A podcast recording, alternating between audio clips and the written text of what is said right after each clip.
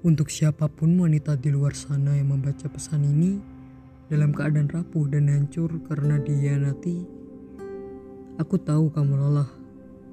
Kamu muak, kamu merasa putus asa. Tapi ingat, kalian punya kendali untuk bangkit, untuk merubah keadaan. Teruslah berjuang. Kamu layak mendapatkan kehidupan yang baik.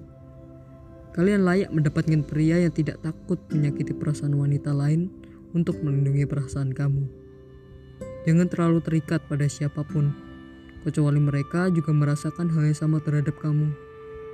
Karena harapan satu sisi yang akan menghancurkan kamu secara mental. Cheating adalah hal yang paling menjijikkan rendah dalam satu hubungan. Tidak mudah menerima ini, bahkan keluar dari zona ini. Sebab mungkin kamu terikat dengan beberapa hal untuk dipertimbangkan namun apa pun itu, semoga kamu kuat melaluinya dan mendapatkan jalan keluar yang terbaik.